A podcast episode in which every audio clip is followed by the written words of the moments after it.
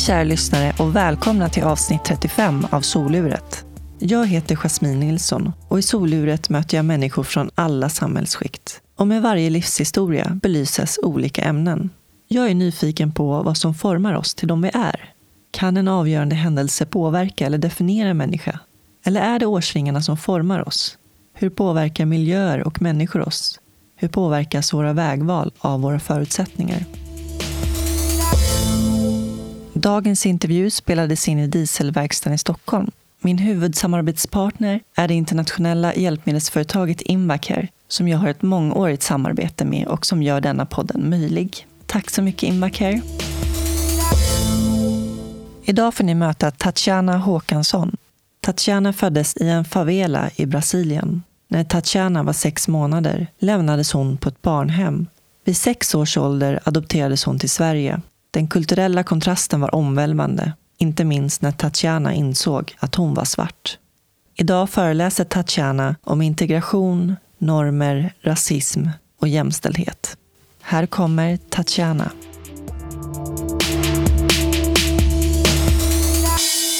Välkommen till Soluret. Tack så jättemycket. Kul att få vara här. Vi börjar med vart du kommer ifrån. Jag kommer ifrån ganska mycket olika ställen i världen i och med olika identitet jag bär. Men den frågan skulle jag säga, jag är från Brasilien och jag är från Sverige. Mm. Du föddes 1991. Eh, mm. São Paulo. Ni bodde i en favela. Kan du berätta vad det är för någonting? Um, ja, favela brukar jag ofta förklara lite kring om folk vet vad en kåkstad är. Om de inte vet vad det är för något så kan jag säga att det är ett samhälle i ett samhälle där det finns extremt mycket fattigdom och allt som ingår i fattigdom. Men jag bodde där en väldigt, väldigt kort stund av mitt liv. Eh, jag blev ju lämnad på barnhemmet när jag var sex månader bebis. Så jag har inga minnen från livet i favela, eller livet på gatan vill säga. Och vart blev du lämnad? Jag blev eh, lämnad på ett barnhem i centrala São Paulo som drevs av nunnor, italienska nunnor. Så ja, det var väldigt religiöst uppfostran där. Och sträng såklart. Och att det var väldigt många, det var väldigt många barn. Det var så, ja, 500-600 barn på det här barnhemmet med en personalstyrka på kanske 100 stycken. På vilket sätt var det strikt? Ja, just det. Det, var, det är en bra fråga. Strikt på det, jag bara jämför med livet i Sverige. Eh, strikt på det sättet att du var tvungen att göra dina böner. Det var liksom en Även om jag säger att jag var väldigt fri på barnhemmet. Vi lekte väldigt mycket. Men det var strikt, att, så disciplinärt väldigt strikt. De hade sina tankar kring disciplin och det var det som gällde. Och det lär ju gå mot eh, ja, svensk lag om man skulle säga så. okay. Eller barnkonventionen. Du har två äldre systrar som också varit lämnade. Mm, de är mycket äldre. Men... Mm. Vad kommer du ihåg från den tiden? För du bodde där mm. tills du var sex år. Mm. Det jag kommer ihåg, och det är ju lite mer i känslor, det är gemenskapen. För alla vi barn hade någonting gemensamt. Men också glädje. Trots eh, mycket tragedi för många barn så fanns det ändå glädje där. Och i och med att jag blev lämnad som sex månader bebis så det är det enda jag kommer ihåg. Jag lärde mig gå där, jag lärde mig prata där, jag lärde mig allt det här. Det som jag kommer ihåg det är, alltså, det är så mycket glädje och så mycket lek och mycket sånger. Det gör jag. Och eh, jag kan sakna barnhemmet till och från. Trots eh, den strikta uppfostran? Exakt. Eh, mm. Trots den så, så fanns det så mycket kärlek där. Alltså nunnorna som ändå jobbade ideellt och andra barnskötare de gav ändå kärlek trots att de inte var biologiskt. De valde att ge oss barn som var föräldralösa så mycket kärlek och så mycket trygghet. Vad fint. Ändå. Det var väldigt ja. fint, verkligen. Och sen när du var sex år blev du adopterad. Ja. Hur gick den processen till? Vad vet du om den processen? Vad jag vet? Jag, kommer ju, alltså, jag har väldigt mycket minnen från den processen. Um, mina föräldrar började med processen redan i Sverige. Så kom de ner och sen blev vi tre de som de ville adoptera. Men det är en process i sig i landet. Du måste bo där ett tag. Du måste eh, umgås med barnen och se om det kem, alltså kemin går ihop socialt. Um, så det var liksom när de kom så blev det ju en helt annan vardag för mig. För det har jag aldrig upplevt innan. Så det är lite det jag kommer mest ihåg faktiskt från den tiden. De tog oss på olika resor. De tog oss utanför barnhemmet. Och det är första gången utanför barnhemmet. Jag ser massa människor, jag ser bilar. Jag såg en helt annan värld. Utanför murarna. Jag har aldrig sett det innan. Och det är så svårt att förklara för människor. Det är som att du åker utomlands helt enkelt. Och du får upptäcka en helt annan värld. Som ändå du lever i. I ditt eget land? I ditt eget land. Ja. Um, så att de började ta oss på olika roliga aktiviteter, utflykter helt enkelt. Och Sen kom vi tillbaka till barnhemmet och sov över där och de sov över i ett annat hus. Och så håller vi på så där tills vi började sova över hos dem. Och det, det talades aldrig om adoption, att, vi skulle, att de skulle bli våra eviga föräldrar eller så ifall processen inte skulle gå hela vägen. Och det, respekter, det tycker jag faktiskt var väldigt bra. Jag tyckte bara att det var ganska schyssta äldre människor som bara tog oss på coola äventyr och gav oss hur mycket godis som helst. Och på den tiden så trodde jag ju verkligen på Gud. Så jag trodde att jag har varit den snällaste flickan på hela jorden.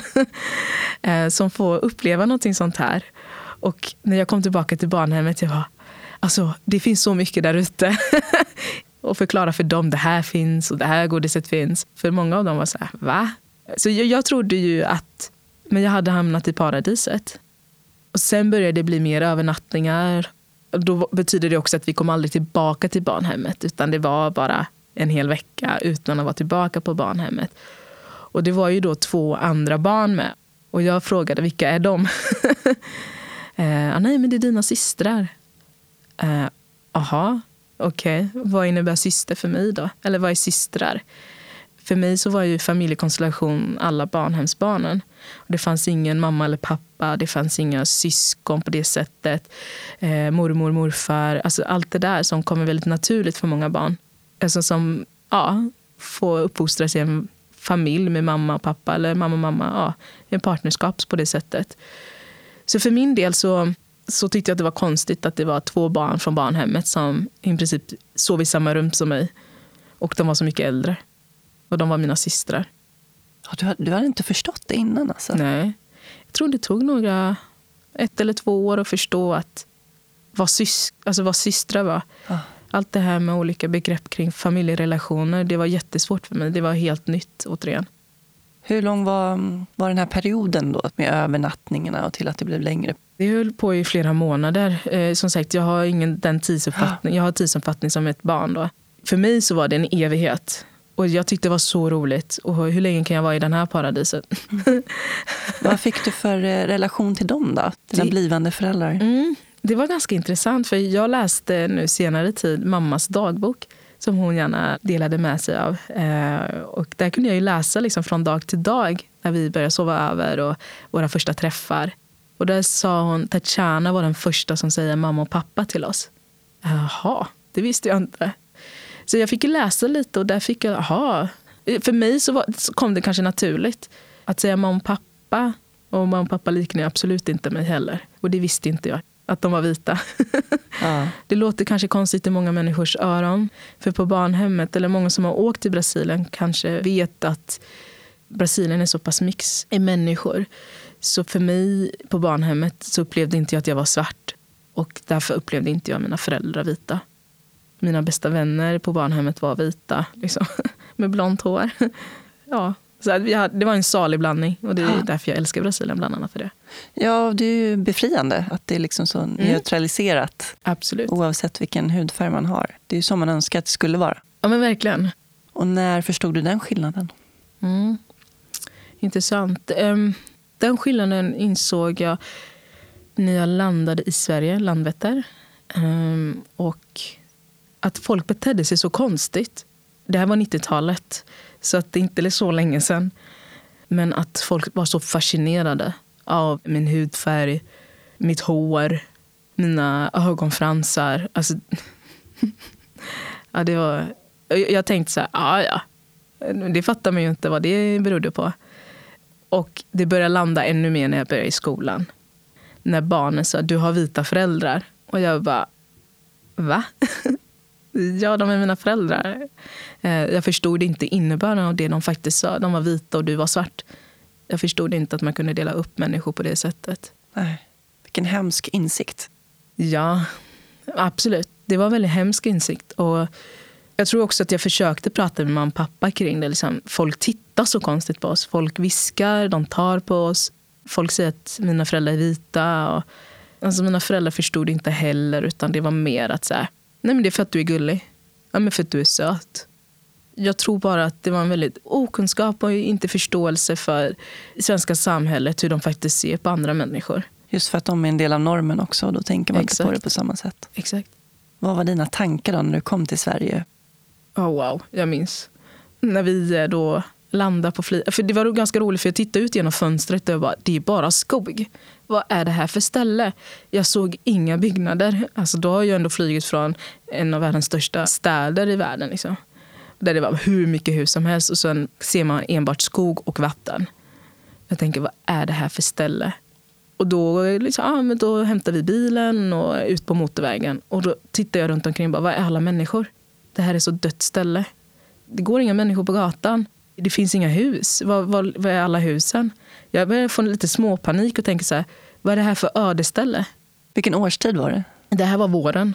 Tur att det inte var vinter i alla fall. Nej, har varit ännu värre. Gud, vilken chock. Jag fick chock sen på vintern ska jag säga det. Men...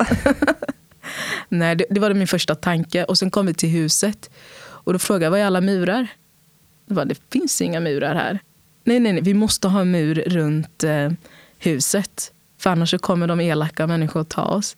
Nej, vi bor i Sverige, det behövs ingen mur. För jag menar, på det, i det huset vi bodde senare i, i São Paulo, då fanns det mur.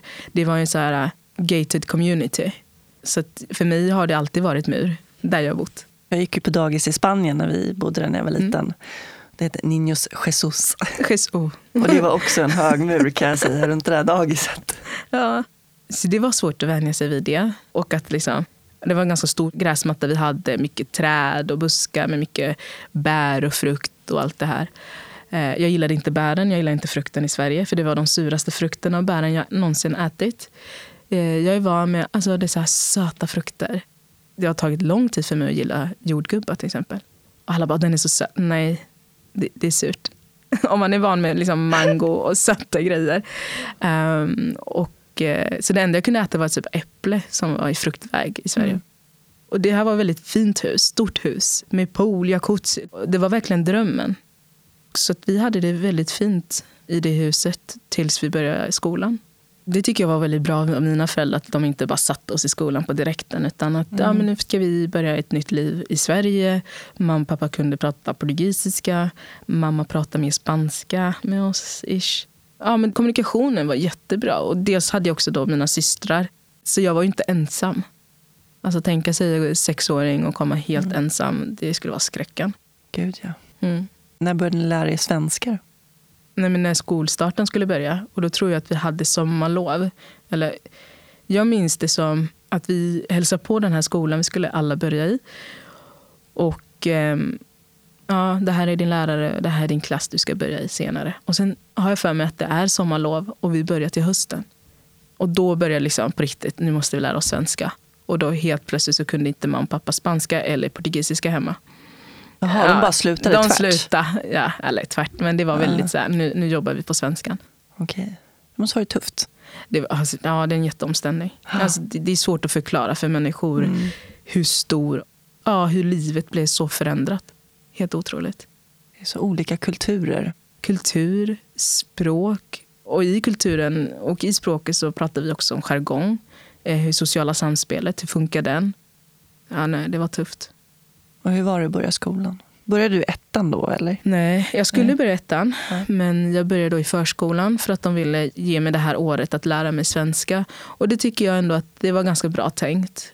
Det var liksom mer det sociala och språket som var för min del. då. Eh, och då gick jag också i svenska 2 på den tiden. hette det. Så det var jag och mina systrar som gick där. Så mycket invandring hade de. Det gick snabbt tydligen att lära oss. Och att vi inte har en brytning. Det var alla jätteglada över. I don't know why. Ehm, så det, jag menar, det gick fort för oss att lära svenska språket. Det gick betydligt långsammare för mig att lära mig det skriftliga språket. För jag hade aldrig lärt mig det skriftliga språket i Brasilien. Och sen senare i skolåren så fick jag också dyslexi. Så det fanns ju en orsak på det. Dyslexin, hur hanterade du det i skolan? Fick du någon hjälp för det? Nej, jag fick ingen hjälp. Nej. Tills jag fick uh, min diagnos uh, när jag gick i åttan. Och det var lite för sent. Ja. Jag har ganska grav dyslexi. Okej. Och dyslexi, Mm. alltså olika människor har olika sorters. Jag har både det skriftliga och inläsning. Okej. Men jag skriver ändå poesi. Ja, du ser. Jag skriver ändå ibland debattinlägg. Så att, eh, tack gode gud för datorer och iPads och allt. Ja, du har fått verktyg för att kunna Absolut. hantera. Mm. Är det svårt att ha dyslexi? Ja, man skäms över det. För att eh, många människor tror att man är slarvig och intelligent och hela den biten som kommer till. Och så är det inte. Så ibland så säger jag att jag är det, ibland så gör jag ingenting. Men det är också en identitet att ha egentligen. Grejen det är det sjukaste, att folk blir så irriterade och arga ifall någon stavar fel och särskriver. Jag kan inte förstå hur man kan sätta energi på det. Så att, eh, min dyslexi var väldigt, väldigt tuff. Det roliga är att jag, eh, jag lärde inte mig läsa förrän jag eh, gick i femman. Då folk tänkte så ah, men hur kommer det sig att du kunde gå alltså, ända upp till femman? Ja, det är för att jag kom ihåg allt som stod i boken. För det läraren sa. Du anpassade dig till din förmåga. Ja, absolut. Så på så sätt så kunde jag gå igenom skolan. Så jag läste inte läxor ingenting. Jag kom bara ihåg det som sades på klassrummen. Och hur var det i skolan? Alltså förskolan till femman var väldigt bra. Det var en, en liten skola med bra resurser. Men jag upplevde ändå att jag var så annorlunda. Mm. Nej, jag, jag hade det tufft ibland till och från. Ehm, dels att det var många barn som tyckte att jag var aggressiv. Och, eh, men det är för att jag pratade med händerna. Alltså, men jag pratade med hela kroppen, inte nu då. Men, och de tänkte nej men hon är helt eh, Det var galen. läskigt. Ja, men det var läskigt. Så mina lärare fick säga till mig, prata inte med händerna, använd så lite som möjligt. I, Va? ja. På riktigt? Mm. ja, men det är sydamerikaner är tydligen aggressiva. Ehm, så, att- så jag fick ju tona ner ganska mycket på eh, liksom, Din person? min person, absolut. Och jag hade väldigt svårt, alltså, även om jag hade bott i Sverige ett år och kunde svenska språket hyfsat, så var jag ju ändå väldigt långt bak Mm. i utvecklingen i språket. Då, så att jag kunde inte försvara mig ifall någon sa någonting dumt. Och när jag blev arg så kunde det komma alltså, både svenska, spanska och portugisiska liksom, samma mening. Och det blev ännu förvirrande. Och ingen förstod mig. Och det var frustrerande. Så att, ja. Vad tänkte du kring hela den här förändringen? Liksom varför ni blev tvungna att flytta? Och ni hade ju ändå en trygghet där ni var. Mm. Jag, jag, jag tänkte aldrig så. Nej. Jag var väldigt glad över mina föräldrar. Vilka schyssta människor. Alltså det var lite så. Och då, blir det inte schysst att de har gått och räddat oss. Det handlar inte om det. utan Jag fick en väldigt personlig och bra kontakt med dem. Så att jag kände ju en trygghet med dem. Eh, Och jag ville ändå vara där de var. Jag har läst lite intervjuer med dig på nätet. Mm. Och det var ett citat där som berörde mig.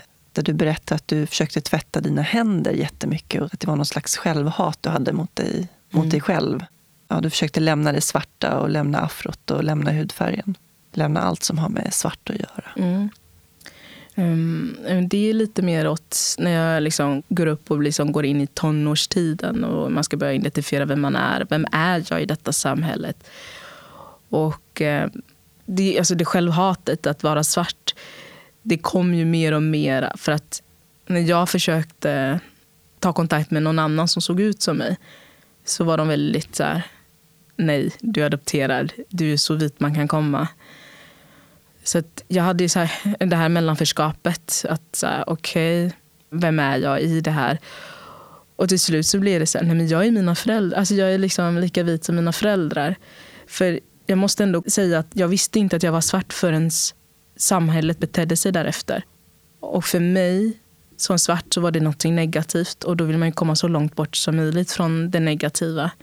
Så att man försökte göra allt för att eh, bli så vit som möjligt i språk, i jargong. Ja, men var väldigt betonande. Så här, nej, jag har svenska föräldrar. Rakbränta håret, ha det så rakt som möjligt. Men självhatet det, det kom mer och mer som tonåring. Och de enda svarta som jag träffade, det var de som kom hem till oss och flätade oss. Så det här förstår du. Och jag skulle inte bli som dem. Jaha, så ni hade frisörer för att dina föräldrar inte kunde göra det? Nej, de förstod inte att afro kunde växa efter några månader. Det roliga är att de hade ingen koll på liksom, att ha ett svart barn. Det fanns inga kriterier kring det. Liksom. Så mamma och pappa var, men vi, vi kan väl klippa det lika kort som ni haft innan. Och då kände vi som en frihet, bara nej, vi kan ju bestämma över vår kropp. Det kunde man inte göra på barnhemmet. Eh, så vi lät ju håret växa. Och det blev mer, och liksom, ja, mer jobb med det. Jag vill inte säga att mitt afro är jobbigt, för det är inte jobbigt. Det är bara att man inte har rätt kunskap kring det. Hur man ska sköta det. Hur man ska sköta det, exakt. Mm. Så att mamma tog ju först med oss till frisörsalong, men det var för dyrt. Och sen letade hon efter någon som var duktig på att göra hår. Så de fick komma hem till oss. Men sen sa hon, nej jag får lära mig det här. Nej, jag får ta tag i det. Jag får lära mig det. Så hon gick ibland till liksom, afrosalong och satte sig och bara pratade, kollade hur man gjorde saker och så. Så gjorde hon det på oss sen. Ja. Men det är det jag tänker. Alltså, när man som förälder bestämmer sig för att adoptera mm. barn som ändå är så pass gamla som ni ändå var. Men jag tänker idag när man bestämmer sig för att adoptera att man någonstans så måste man ju ha någon slags insikt i vad det gör med barnet. Att man liksom kan tänka sig att nu kommer det här barnet slitas från sina rötter, eh, mm. från sitt land, från sin kultur och komma till ett helt nytt land och allt som det innebär med det också. Mm. Alltså någonstans måste man ju ha den insikten i att förstå den omställningen som det blir för barnet. Ja, där kan jag ju lite säga emot i att, att i Sverige så har vi en utgångspunkt på att det, det finns inte rasism i Sverige. Har man den utgångspunkten då är det mycket lättare att adoptera barn som är olik sig själv. Mina föräldrar har ju förstått i efterhand att så här, jag har haft långa diskussioner och samtal med dem. Um, där vi har liksom pratat kring det. Bara så, hur tänkte ni liksom, när vi kom hem från skolan och grät och att någon hade sagt det ena och det andra om vår hudfärg, vårt hår. Nej, vi tänkte bara att det var liksom elaka barn. Men inte att det finns ett innebörd. Alltså det liksom, vad det gör med er? Vad det gör med oss. Men när vi pratar om en strukturell rasism. Det är strukturellt. Eleverna var ju väldigt mycket på mig. Och det var ingen som förstod att det var fel. Eh, så nu för tiden, som jag har förstått i adoptionsprocessen, så får de ännu mer utbildning kring det. Hur är det att adoptera ett barn som inte är likt andra familjemedlemmar? Och så. Så att, fast det är fortfarande så att vi, vi sitter i Sverige och säger att vi har ingen rasism. Um, om man kommer till USA så är de väldigt noga med... I USA pratar man ofta om raser. Det gör vi inte i Sverige i den bemärkelsen. För vi har liksom ja, med rasbiologiskt tänk här i Sverige. I USA så pratar man inte om det rasbiologiska tänket utan de pratar mer om det här sociala. Vad gör det med ett barn, ett svart barn som kommer till en vit familj? Eller tvärtom. Och att det är viktigt att föräldrarna har kunskap nog för att förstå att det kan finnas käppar i hjulet för det här barnet och familjen i helhet att kunna gå runt i detta samhälle. Precis. Mm. Det är vi inte i Sverige överhuvudtaget. Nej. Absolut inte. Och Det är väl det jag jobbar med. Det är en process, det är ingenting som blir klart. Men ett erkännande av det hela är, är tror jag är en jätteviktig del för att kunna fortsätta mm. bearbeta det. Jag läste ett annat citat med dig och det var att det bästa med skolan var rasterna. Mm. För då kunde jag briljera i fotboll. Mm. Mm. Ja, så sant. När var det du började med fotbollen? Jag fann den ganska snabbt när jag kom till skolan och jag såg att det var några äldre killar som kickade fotboll. Och då sa jag, men det finns ju samma som på barnhemmet. Alltså det är samma sport. För jag hade aldrig associerat med någonting som var lika, alltså, någonting gemensam nämnare på det sättet. Så jag satt alltid och tittade på tills bollen kom till mig. Och då sparkade jag till den. Och de bara, ah, vill vara med eller? Okej. Okay.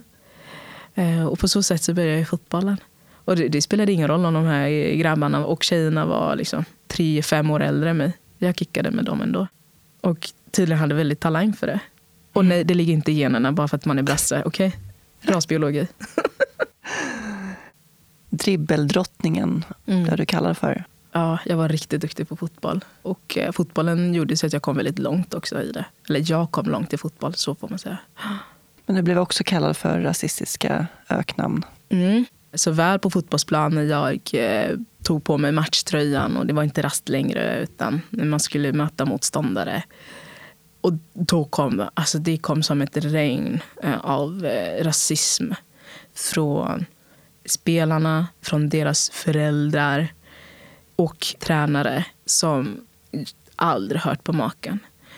Och jag visste att det var fel för jag var den enda som blev så utsatt.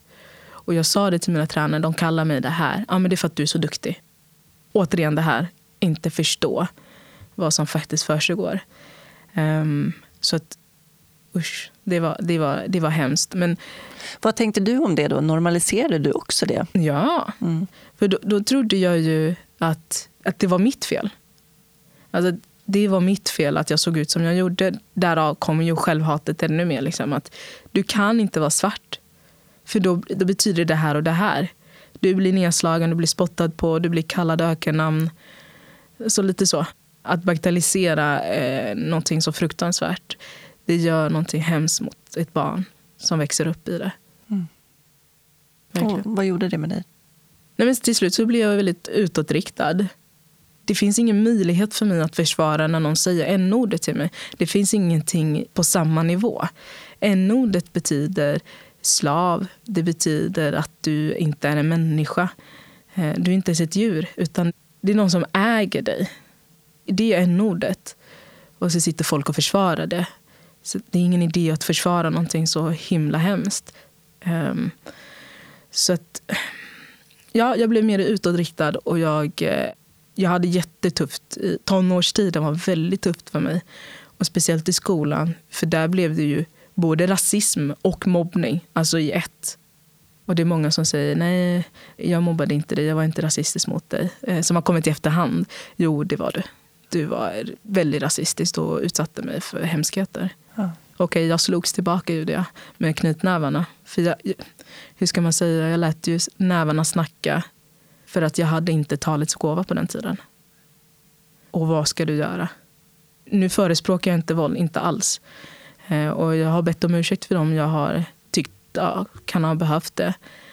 För det var ingen som var på min sida. Lärarna sa, äh, hon menade inte så. Eller han menade inte så.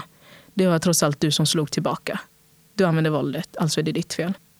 Du utsattes för psykiskt våld? Absolut. Från årskurs 6 till årskurs 9 var det konstant.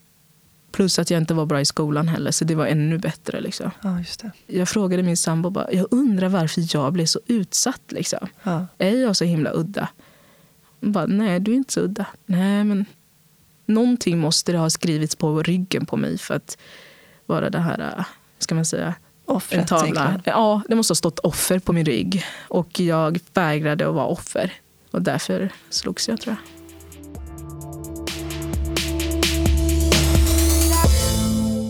Nu sitter jag här med min samarbetspartner Imbak här och framför mig har jag Pia.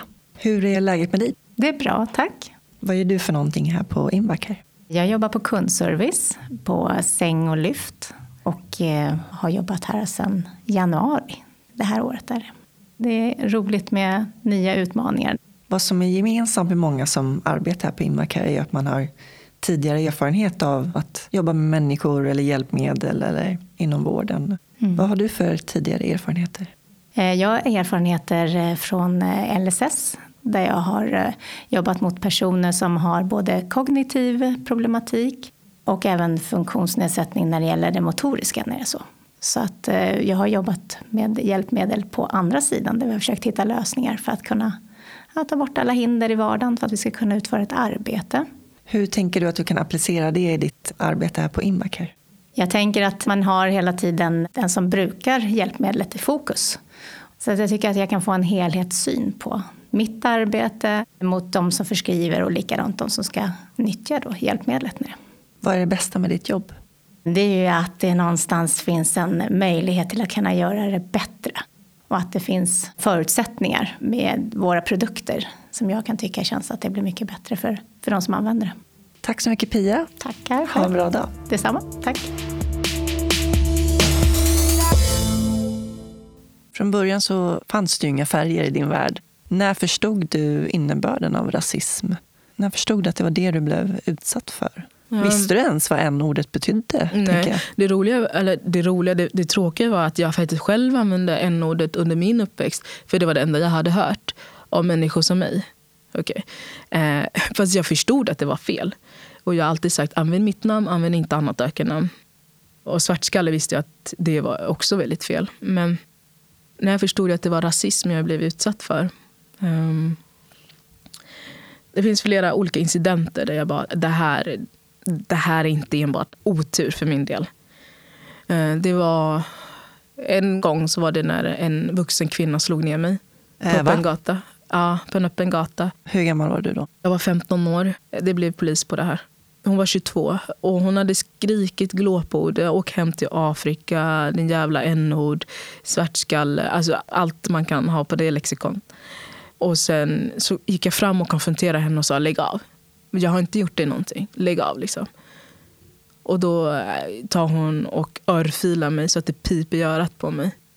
Och där blev jag så jävla arg så jag slog ju till henne. Men i och med att hon hade skrikit som hon hade gjort så hade faktiskt någon ringt 112 och polisen var på väg. Hon var så hotfull. Och då ser ju polisen när jag slår henne. Exakt, Då kommer de precis när du slår eller Ja, försvarar. så du förstår. Hur ska jag kunna stå till svars för polisen och säga det var hon som började? Och jag sa, jag hade verkligen inte gjort någonting. Jag stod här och hon kom förbi och kallade mig, alltså hon utsatte för mig för väldigt mycket rasism. Och till slut så slog hon mig. Hon använde en fysisk handling gentemot mig och det enda jag kan göra är att försvara mig. För jag vet inte vad hon, om hon skulle fortsätta. Eh, och då säger polisen, vi såg ju vad vi såg liksom. Lägg av med det där stilen. Så jag sa, ja men ni såg inte det innan.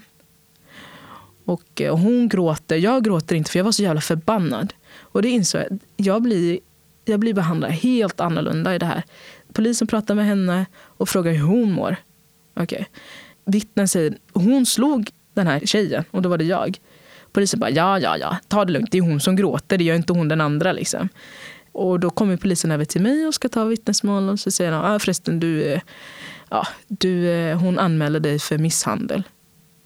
Så, så, hur fan kan ni ta... Oj, ber om ursäkt. Nej. Nej, men hur kan, man, hur kan ni liksom ta en sida och höra på den delen? Nu släpptes allting, tack gode gud. Och jag anmälde ju tillbaka för hets mot folkgrupp, för våld och allt det här.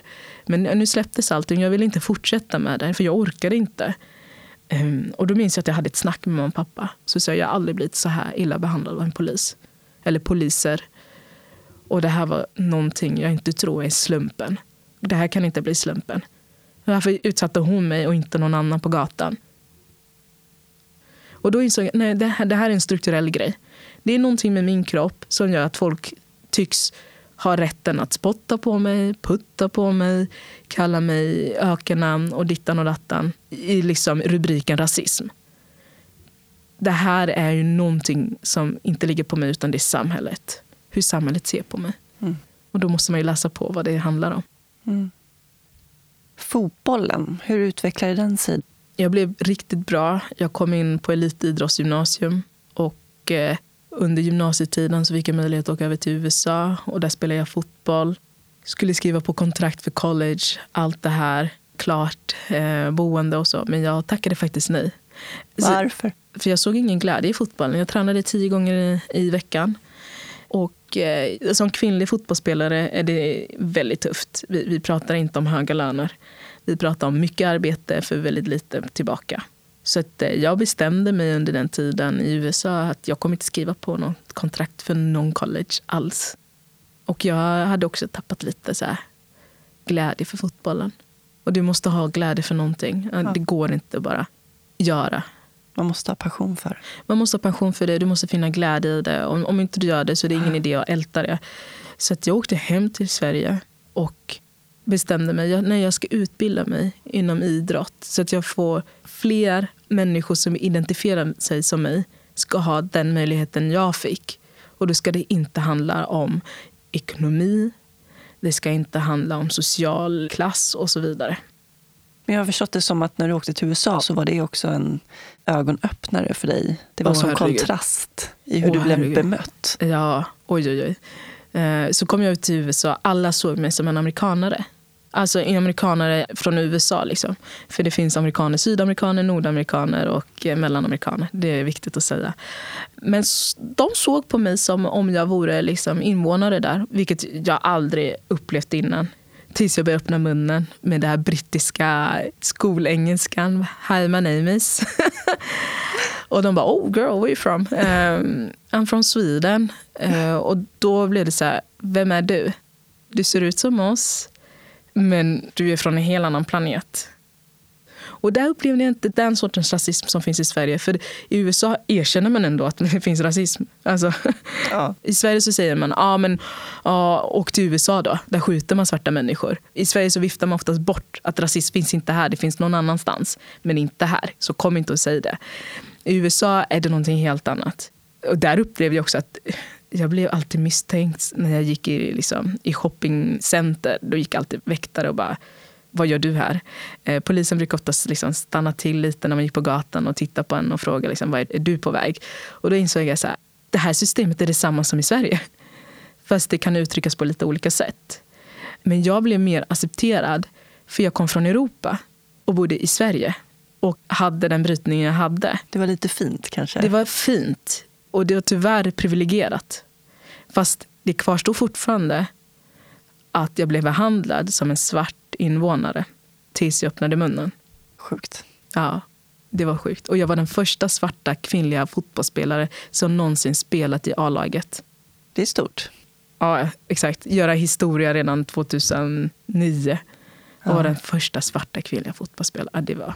Och då vann vi distriktet. Eh, vi var riktigt duktiga. Det var väldigt bra. Men jag var den enda svarta som spelade fotboll. Och alla andra svarta tittade på mig och bara, vem är du? Varför tar du en sån vit sport? Jag visste inte ens att det fanns hudfärgsport. Och då är det fotboll, inte amerikansk fotboll. Som jag också spelade senare, amerikansk fotboll. Okej. Okay. De bara, vi har sett att du är snabb. Det var spring med bollen. Okej. Okay. Var det kul? Det var jättekul. Men där kände jag mig väldigt udda. Mm. Jag blev aldrig liksom inbjuden till the black community. Likväl i Sverige blev jag aldrig bjuden till the black community. Jag tänker på det där med sport och även dans och rasism. Jag såg en intervju i Skavlan med en tjej som är prima ballerina från USA. Ja. Som är mörkhyad. Just det. Jag kommer inte på vad hon heter. Jag menar, hon är ju i princip den första mörkhyade liksom, ballerinan mm. i världen. Och så det här med tåspetsskorna, att de alltid har varit eh, ljusa. Så. Nu har det äntligen kommit eh, mörka, tack vare henne. Mm. Liksom, 2019 mm. är vi nu. Det är ganska sjukt. Det har ju också varit liksom en vit konst. Absolut. Är det opera, fortfarande? Opera, fortfarande? Alltså, klassisk musik överlag. Mm. Det är det folk inte förstår, att det, det finns något som heter vitt och svart i detta samhället. Det finns mycket kvar att göra. Hur upplever du rasism idag? Bra fråga, för jag säger att rasismen som jag upplevde som liten är densamma som finns i nuläget. När folk säger att ah, vi har kommit så långt, det ska inte finnas rasism 2019. Det är samma rasism som det var 1998 när jag kom till Sverige. Det är så coolt att säga 1900 liksom. um, så det som jag upplever nu, i och med att jag är ute och föreläser väldigt mycket och sociala medier, så är ju rasismen blivit mer dödshot, hat. Vi har troll som förföljer mig. Vi har stalkers som, som skriver till en och man svarar inte. Och då blir de jätteaggressiva grejen är att även om inte jag hade föreläst och dittan och dattan så skulle jag fortfarande bli utsatt för rasism. Men det här handlar ju också om rasism och att jag arbetar emot rasism. Så jag får liksom ännu mer, en större mm. våg tillbaka. För att då är det provocerande. Ja, det är så provocerande. Låt mm. oss vara rasister i fred. Mm.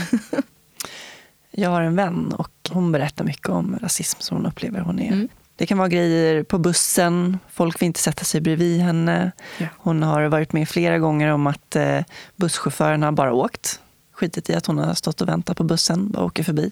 Det finns hur mycket exempel som Aha. helst på hur det kan se ut ja. i vardagen hela tiden. Hela tiden och på arbetet. För jag är ju ganska ny på arbetsmarknaden på så sätt. Så jag, kan ju, jag har ju mycket kontakt med, eh, med politiker och kommuntjänstemänniskor. Liksom jag har ju en incident där det är någon som kommer in och bara ja, jag ska ha möte med någon Håkansson. Och förresten skulle du kunna bara slänga den här äppelskrutten. Liksom. What? Ja, och jag bara, jag spelade med. Alltså förstår du? Jag bara bet nej, ihop och bara nej, spelade nej. med.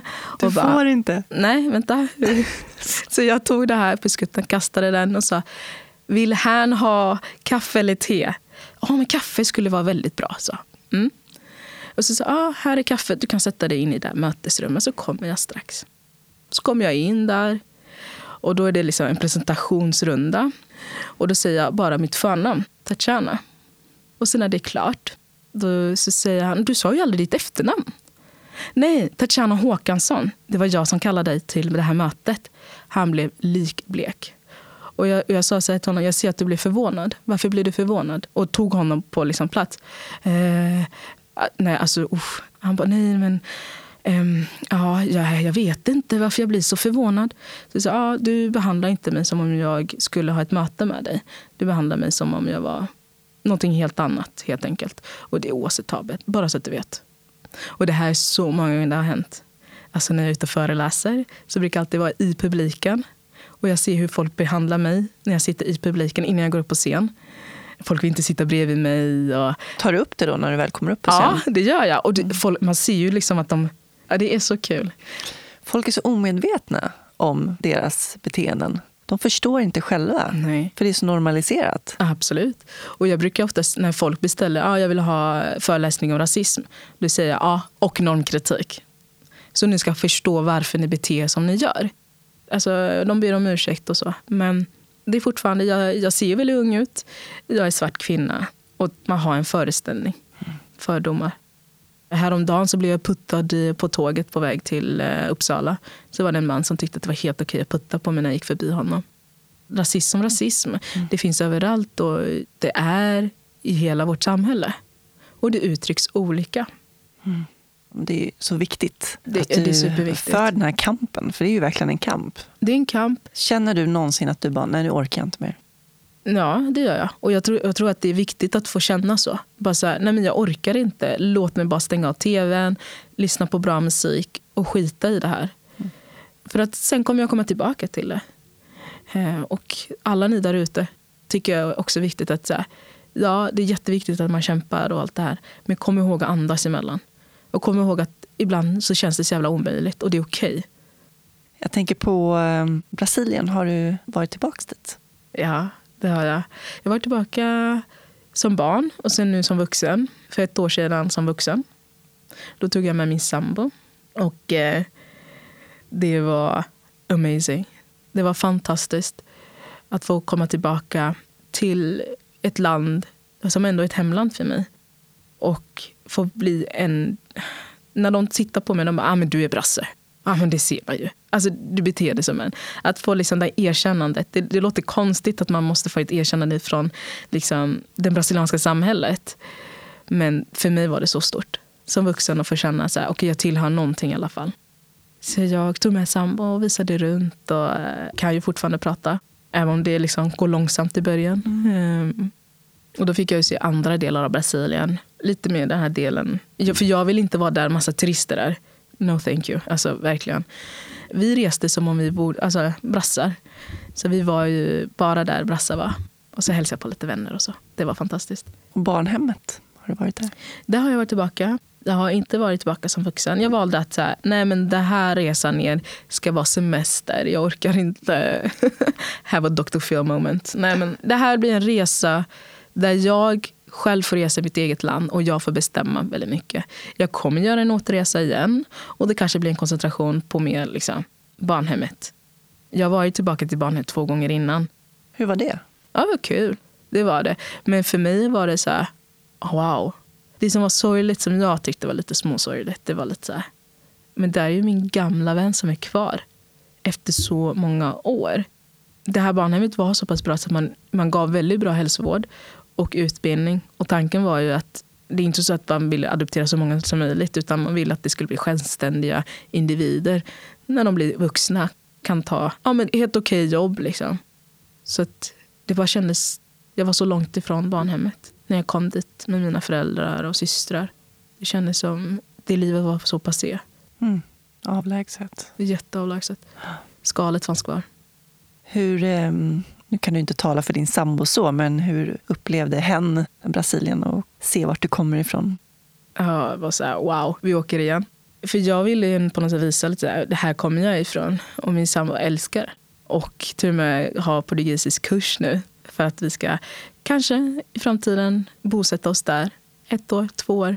För jag vill, jag vill på något sätt komma tillbaka och bo i Brasilien. Det har jag liksom bestämt mig. Mm.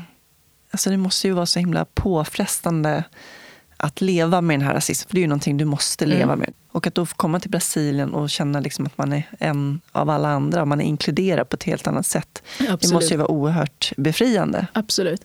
Men kvarstår fortfarande finns rasism i Brasilien för att vi har det här västerländska tänket. Det är väldigt segregerat där också, eller hur? Ja, och då är det väldigt mycket klassegregation. Okay. Så det är liksom mellan rika och fattiga. Det som var lite tråkigt, jag lämnade i en annan klass och kom tillbaka med en annan klass. Och det märktes. Och då, då säger min sambo, hur märks det? Jag bara, för vi går inte klädda som dem. Vi beter oss inte som dem. Och det märks. Det, det, det bara strålar ut. Vi kan inte gå in i en favela. Alltså det, det finns inte ens den möjligheten. Det är bara ett beteende. Alltså det, det lyser igenom. Och det märkte jag i... För det finns mycket serviceyrken i Brasilien. Alltså det är alltid någon som kan göra allt. Jag menar, liksom, kommer till hotellrummet, där springer en springpojke, ja. öppnar vår liksom, passagerardörr. Min sambo som kom från Sverige där liksom, bara så här, nej det, nej, det går inte. Nej, och det så här, börjar ta, jag bara, nej, du, låt den personen ta det, för det är dess jobb. Liksom. Eh, det låter jättekonstigt, jag vet. Och det märktes verkligen. Alltså den uppassningen vi fick. Och det är jättejobbigt. Fruktansvärt jobbigt. För jag, jag mm. såg på dem och sa, det där är egentligen jag. Mm. Det där är så jag egentligen. Så jag, hade, jag hade svårt ibland att gå på gatorna och se någon som var lika gammal som mig. Och de tittade på mig och bad om pengar. Jättejobbigt. Jag förstår det. Mm. Du kunde ändå liksom identifiera dig med dem? Då. Ja, absolut. Och för att liksom döva det så var det så här, varsågod, här är pengar. Liksom. Här är mat. Och det var en kortsiktig liksom, lösning. Så man har lite eh, man har jobbiga känslor kring det. Liksom. Ja. Dina biologiska föräldrar, ja. har du träffat dem? Nej, jag har aldrig träffat dem. Eh, det, det, finns inte på kartan för min del i nuläget att vilja träffa dem. För jag kunde det om jag var i Brasilien för ett år sedan, men jag valde att inte göra det.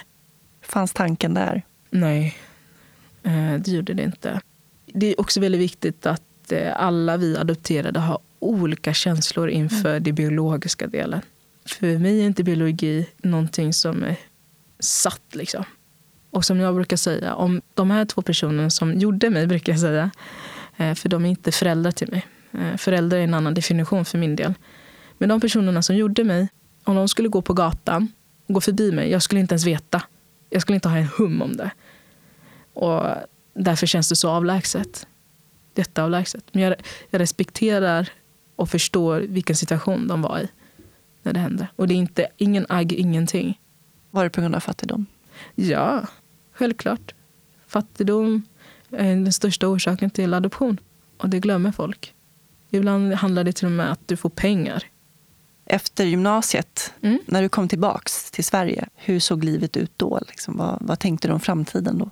bli klar med gymnasiet och sen flytta upp till Umeå och börja studera där. Idrotts... Eh... Idrottsvetenskapliga programmet. Mm. Eh, så idrottsvetare.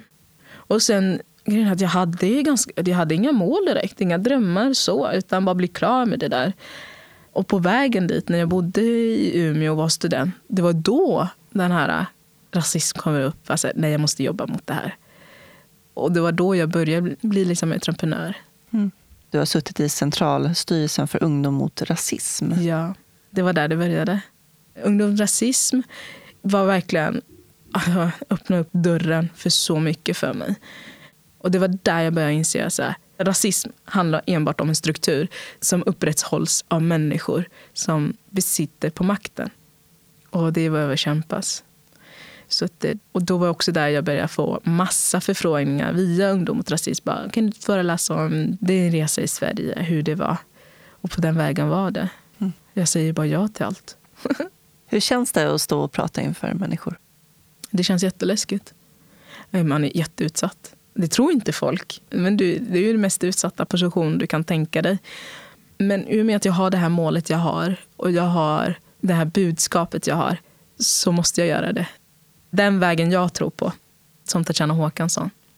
Jag kommer inte döma någon annans väg. Liksom. Men det är mina metoder. Jag, jag kan skriva, absolut, men det är inte min största styrka. Så att, eh, att prata med människor och samtala. Jag gillar inte att ha diskussion om rasism, för det finns ingenting att diskutera, Nej. utan samtala. Och som jag brukar säga, att jag, jag plogar en väg för nästkommande generation. Men det kommer alltid att snöa. Så man måste ju fortsätta att ploga. Så det är väl det jag försöker göra. Det börjar med barnen, få dem att förstå. Det är så sant för att barn är nästan som lera. Du kan skapa massa grejer. Skapa något vackert av det. Och om jag kan vara en liten del av det så är jag jätteglad. Vad innebär det för dig att vara människa?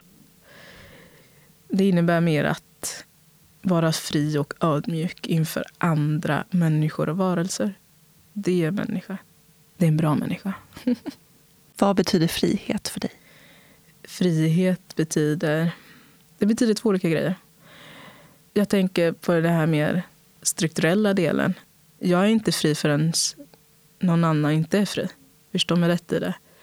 Och då utgår jag ifrån de sju diskrimineringspunkterna. Jag kan inte vara fri i detta samhället om jag vet att an någon annan blir kränkt eller diskriminerad. Det är ingen frihet. Som individ är frihet att jag har möjlighet att få prata och säga och röra mig precis hur jag vill utan att känna en rädsla över det. När grät du senast? Tre veckor sedan? Jag kommer inte ihåg. Jag vet att jag borde gråta mer. Men när jag blir arg då kan jag inte gråta. Men jag borde. För arg och ledsen är ändå samma grej. Fast det uttrycks olika. Så att, nej, jag borde gråta mer. Vad gör dig arg? Oh, orättvisor. Det är väl det som driver mig också. Det är min bensin på något sätt. Mm. Fast det låter väldigt negativt. Men min bensin för att göra det bättre för andra. Vad gör dig lycklig?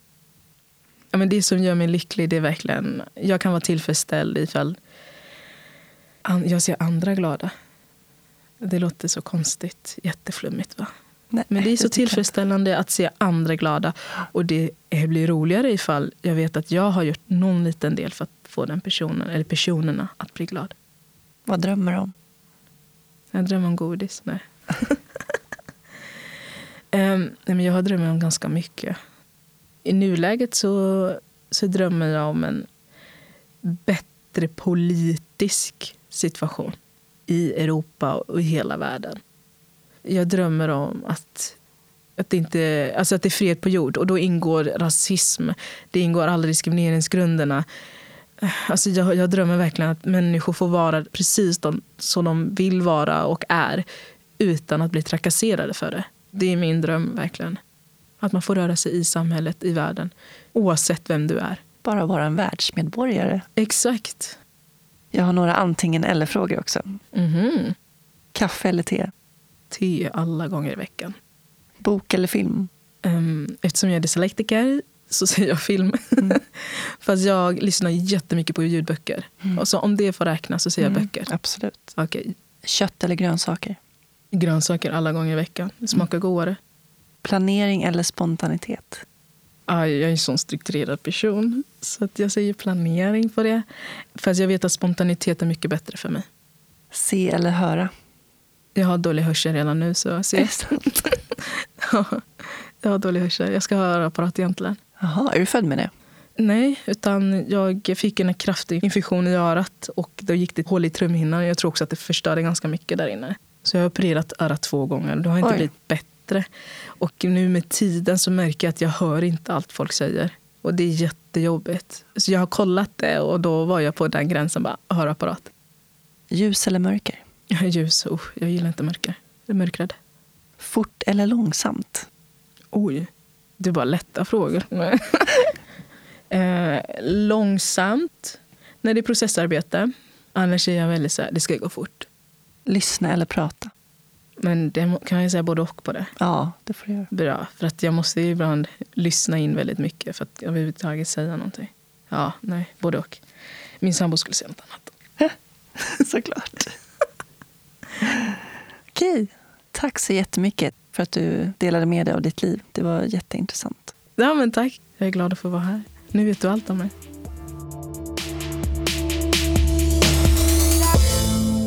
Boka Tatjanas viktiga föreläsning och sprid kunskap om integration, normer, rasism och jämställdhet. Det kan ni göra på till exempel kvinnligatalare.se. Följ gärna Solur på Facebook och Instagram. Tack än en gång till min huvudsamarbetspartner Invacare. Mer information om Invacare och deras produkter hittar ni på invacare.se.